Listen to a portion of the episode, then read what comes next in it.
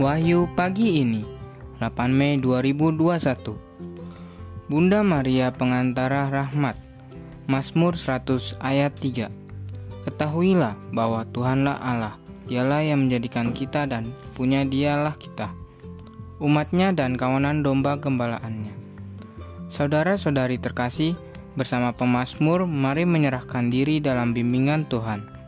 Dan seperti Bunda Maria Marilah kita senantiasa mencari kehendak Tuhan dalam hidup ini. Selamat pagi, selamat hari ulang tahun Imamat, Romo Dias, Romo Dipta, Romo Boni, dan Romo Rosi. Tuhan memberkati.